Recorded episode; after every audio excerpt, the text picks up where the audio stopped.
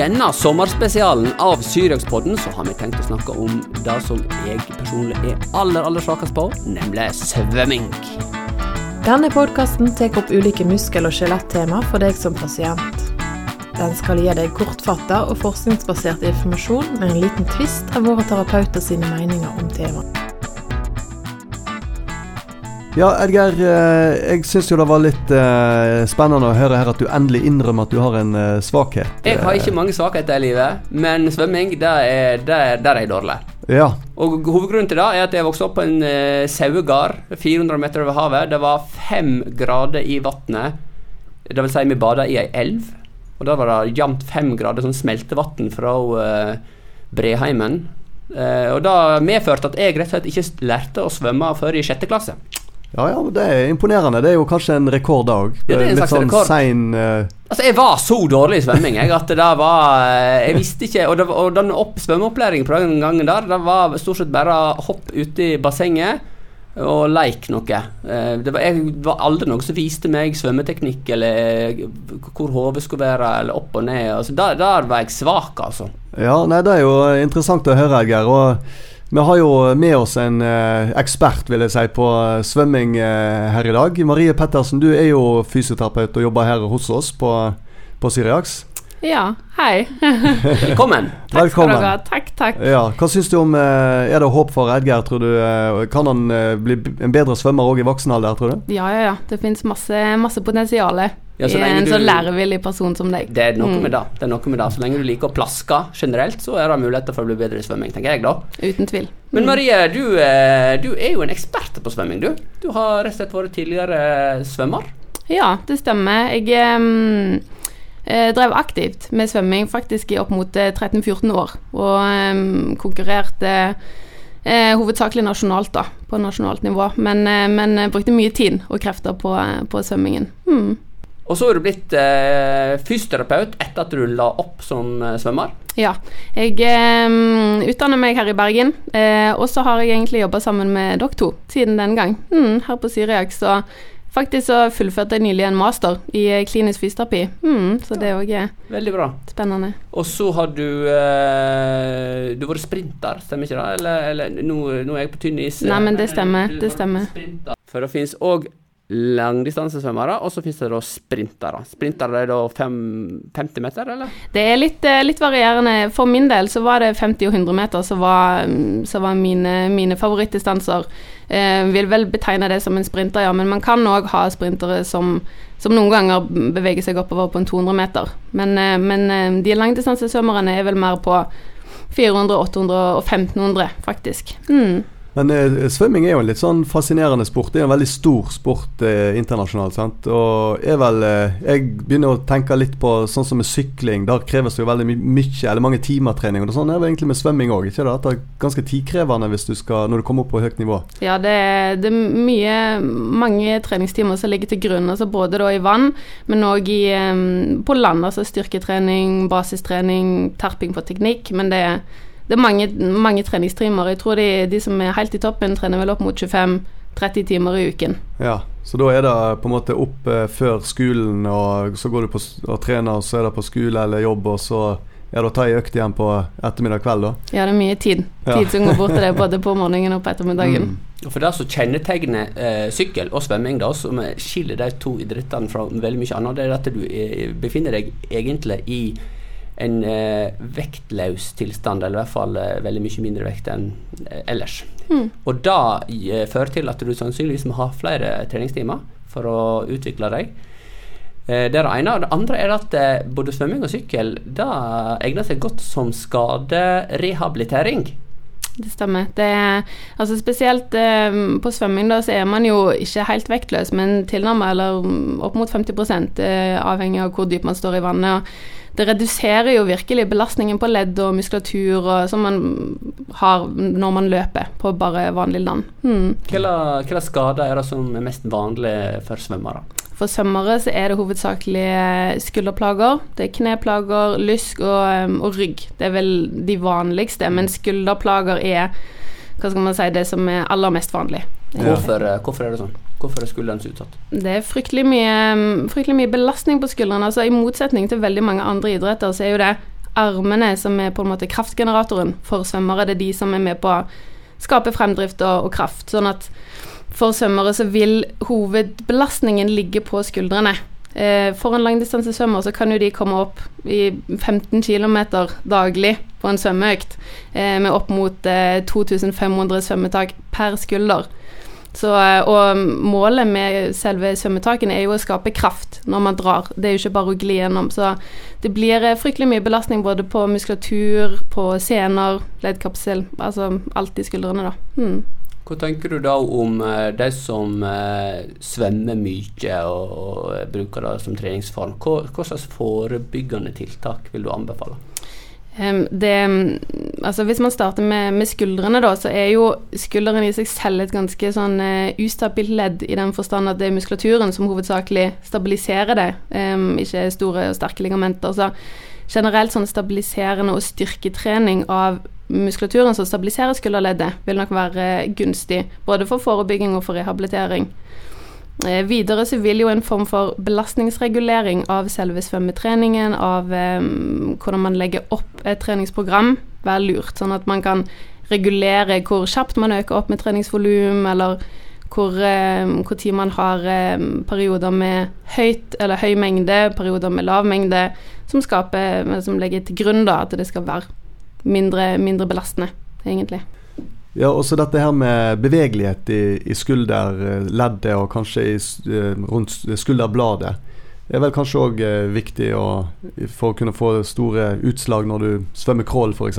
Absolutt. Det, mm, det, kan vel egentlig være litt uh, begge deler. Altså, er man fryktelig mobil og fryktelig, hvis man skal si med hermetegn, løs i skulderen, så krever det jo, setter du større krav til muskulaturen som stabiliserer. Så det i seg selv kan jo virke litt begrensende eller belastende for muskulaturen. men er man veldig stiv og ikke så mobil i skulderleddet, så må man igjen endre gjerne litt på teknikken, man kompenserer litt når man svømmer, eller man bruker krefter på en annen måte enn det som man eh, regner som mer hensiktsmessig, muligens, da, enn en, eh, dersom man har en mer bevegelig skulder. Hva type Har du noen, eh, noen råd eller tips til styrketreningsøvelser som du vil anbefale de som svømmer mye? Um, det er jo Uh, gjerne å trene styrke av de stabiliserende musklene i, rundt omkring skulderleddet. Det er gjerne litt sånn små hva skal man kalle det, små bevegelsesutslag, altså rotering av skulderleddet, eh, innrotering, utrotering. Eh, gjerne fokusere på øvelser som simulerer et svømmetak, sant, som ligner på det, men som styrker muskulaturen rundt. Um, er nok det som er, kan være ganske hensiktsmessig å trene på. Vi har jo en del av uh, våre pasienter som kommer her som uh, har vondt i skuldre og, og andre plasser òg, for den del, da. Men, uh, og som gjerne liker å svømme. Det, har du noen gode tips der til hva de bør tenke på når de først har vondt? La oss si en skulder, da. Ja, hvis de har vondt i, i skulderen, så vil jeg nok eh, i første omgang gjerne avlaste litt i forhold til selve belastningen eller treningsmengden, da. Um, I tillegg å starte opp med, med, en form for styrketrening. Og så kan man jo i vann, man kan trene alternativt. Man kan trene med fokus på beinspark, man kan trene eh, andre svømmearter. Crawl eh, og butterfly er jo gjerne de eh, artene, svømmeartene som foregår mest med armen over skulderhøyde, som jo kanskje kan være det mest provoserende av det. Eh, så det å endre litt på svømmeart, eh, avlaste skuldrene, trene styrketrening, trene alternativ trening ja. Mm.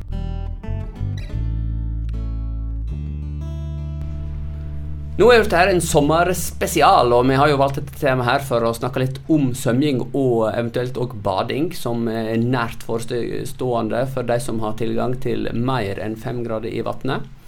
Uh, har du noen tips og råd til uh, foreldre som uh, vil lære poden litt ny teknikk og litt bedre teknikk? Ja, altså jeg tenker at det første steget for egentlig alle som skal lære seg å, å begynne å svømme, er jo det å bli trygg i vann i den forstand at det, det å få vann i ansiktet, det å få vann i øynene, at det ikke er noe farlig. At man, man takler det å, å, å bevege seg rundt omkring i vannet.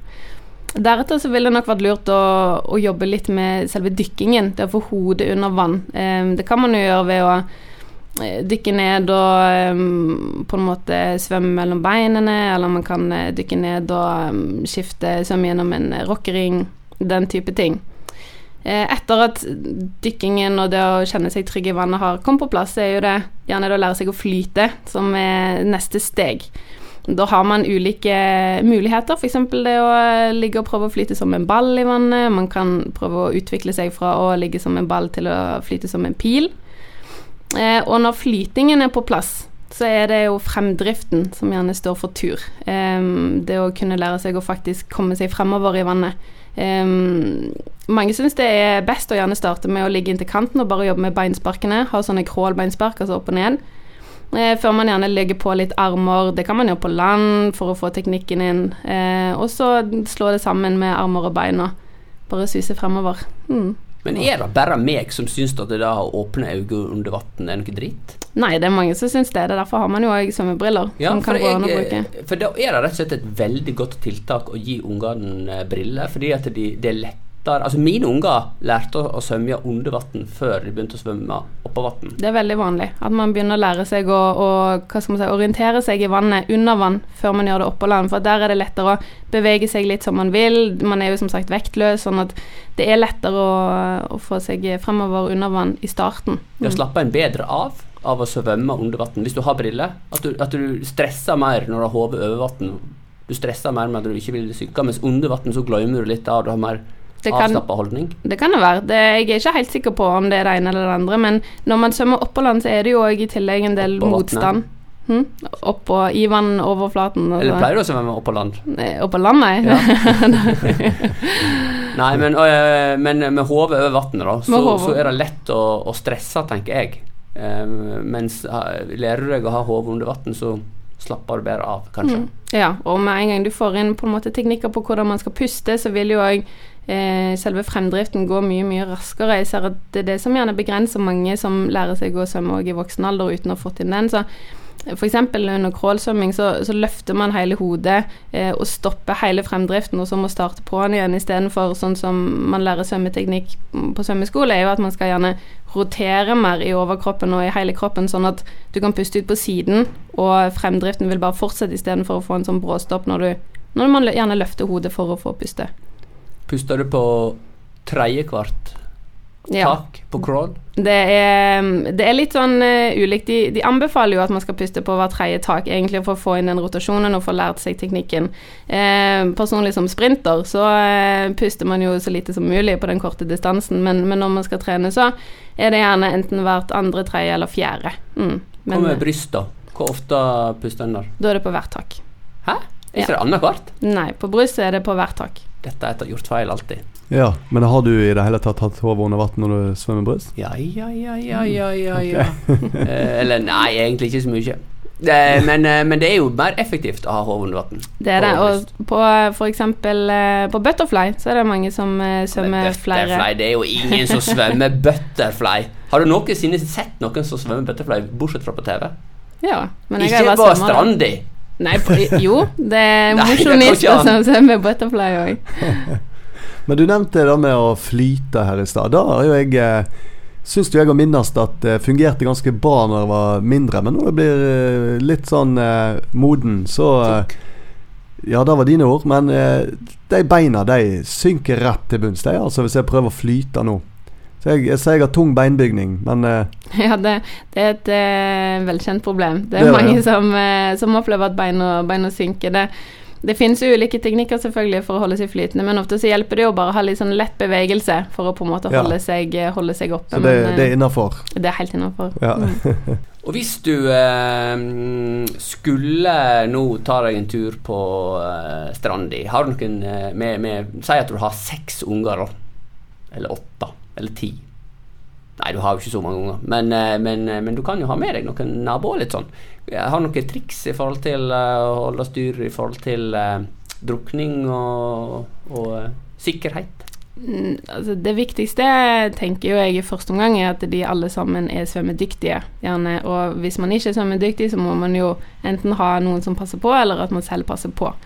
Ehm, og at de har fått eh, beskjed om at de må um, holde seg gjerne nært deg, eller uh, noen voksne som, uh, som kan følge med, for det er, det er mye krefter i spill i, i vann. sånn at uh, en drukningsulykke er jo gjerne ikke som man ser for seg at den er. Det, er gjerne, det skjer gjerne stille, det er ikke så mye hoiing og vifting med armer som det ofte er på TV-ene.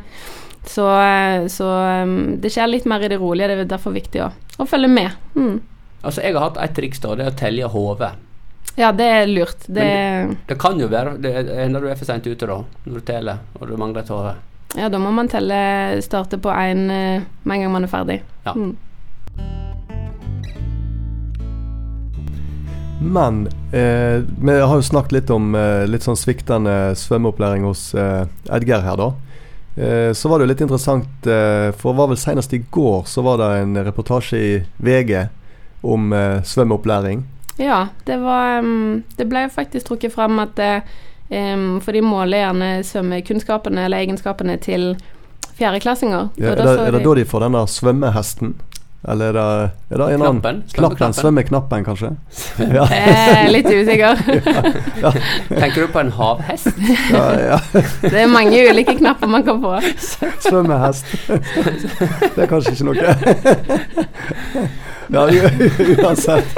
Hva var det du skulle si, Marie? Eh, Jeg skulle si at um, det viste seg i hvert fall at eh, fjerdeklassingene i fjor eh, Sammenlignet med de fjerdeklassingene som gikk ut da i eh, 2018, eh, var ganske mye mm, dårligere, egentlig. Eller hadde, hadde mm, færre svømme Var dårligere på å svømme enn en de var da. Så de trakk vel fram at det kanskje hadde litt med koronapandemien å gjøre, eh, at det har vært litt mindre tilgang til, til svømmehaller for mange steder. Mange steder at det ikke er, er mulighet for skolen å ha svømmeopplæring på.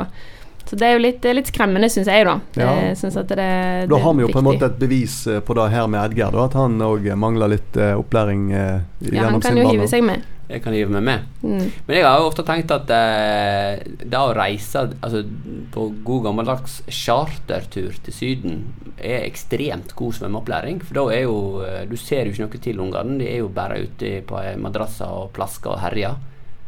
Og at eh, hvis de går glipp av noen år med det, så stuper kanskje kvaliteten på fjerdeklassingene. Ja, det kan godt være. Jeg lærte å svømme i utlandet. Mm, samt på ferie når det er kjekt å bade ute i sjøen og på basseng. Og, så det er jo en veldig fin mulighet, i hvert fall her i Norge, som du sier. Det er fryktelig kaldt vann i sjøen. Så da er det jo gjerne basseng man må gå til for å få opplæringen. Så det kan absolutt være en, en faktor i det. Si at du har en skade. Eh, hvordan kan du bruke svømming som rehabilitering av den? Man kan bruke mm, svømming som ofte alternativ trening hvis man er skada. Hvis du f.eks. er en løper og du har en, eh, en belastningsskade, um, enten i, i knær eller en stressfraktur eller noe sånt, så er jo svømming et veldig fint alternativ til f.eks. å løpe i, eller svømming som trening, hvor du får trent muskulatur, du får trent um, senere ledd, men du får ikke den belastningen som blir påført til vanlig. Så du unngår den, den overdrevne belastningen som gjerne har ført til skaden tidligere. Vannjogging det, det er jo noe av det minst populære tiltaket en idrettsutøver kan høre. Ja, men det er ganske effektivt, da. Det, Ja. Du får jo eh, Hva er det for noe? Eh, at man kan eh, stå litt sånn eh, vertikalt i vannet og prøve å simulere en, eh, en jogging. Altså du jogger med beinet, jogger med armene, uten at du faktisk løper, da. Ja, du har du på deg en slags joggevest. da, det er mange som bruker eller- det som en eh, Man kaller det gjerne sånn en eh, flytebelte. Så du bare fester på, sånn at du slipper å synke ned, og så egentlig bare simulere den joggingen. Det som vi ikke har snakket om, som jo er eh, bare juks og fanteri innenfor svømmeverden, da, det er jo det at eh, det er ikke ja, sånn at alle kan være gode i svømming. Det fins noe som heter genetikk. Og der eh, eh, jukser jo du grovt. Du har jo hender som en Ja, hva skal vi si? De, Ja, er, de det er gigantiske. Det er mye større enn mine. Ja, det er det. Det nei, jeg har en, hadde en fordel der. Hvor Mm. størrelse har du, da? Eh, 40. 40, ja. Ja. Det er ikke så Det er ikke heftig, så ille, men det er, er jo likevel eh, Hva hadde han eh, Ian Thorpe fra Australia? Hadde ikke han 52 i skostørrelse? Jo, Så, det, både han og, og Michael Phelps har jo en genetisk fordel, gjerne når det kommer til Michael Phelps, at det er vel større vingespenn enn eh, høyde. Ja. Så eh, det er jo sånne ting selvfølgelig som kan spille inn, men eh, jeg vil ikke si at det kun ligger på det, da. Jeg tenker at det ligger bare på det. Kun på det, ja. Oppsummert, Marie. Hva vil du si om svømming nå før sommerferien setter inn? I forhold til svømmeopplæring så er det nok greit å passe på at alle som skal bevege seg i eller rundt vann, er enten trygge i vann eller har med seg, med seg foresatte som følger med. Eh, driver man med toppidrettssvømming, så er det lurt å tenke på eh, belastningen man påfører skuldrene. Regulere arbeidsmengden arbeidsmengden, og, og driv gjerne med litt skadeforebyggende trening i form av styrketrening. Veldig bra. Tusen takk eh, skal du ha, Marie. Vi snakkes nå eh, igjen her med på klinikken. Det gjør vi. Takk for at jeg fikk være med. til lunsj. Ok. Ha det Takk for at du hørte på Syriakspodden. Håper du har fått svar på noe av det du lurte på. Gi oss gjerne en tilbakemelding på hva du syns, og om du har temaer du kunne ønske at vi opp.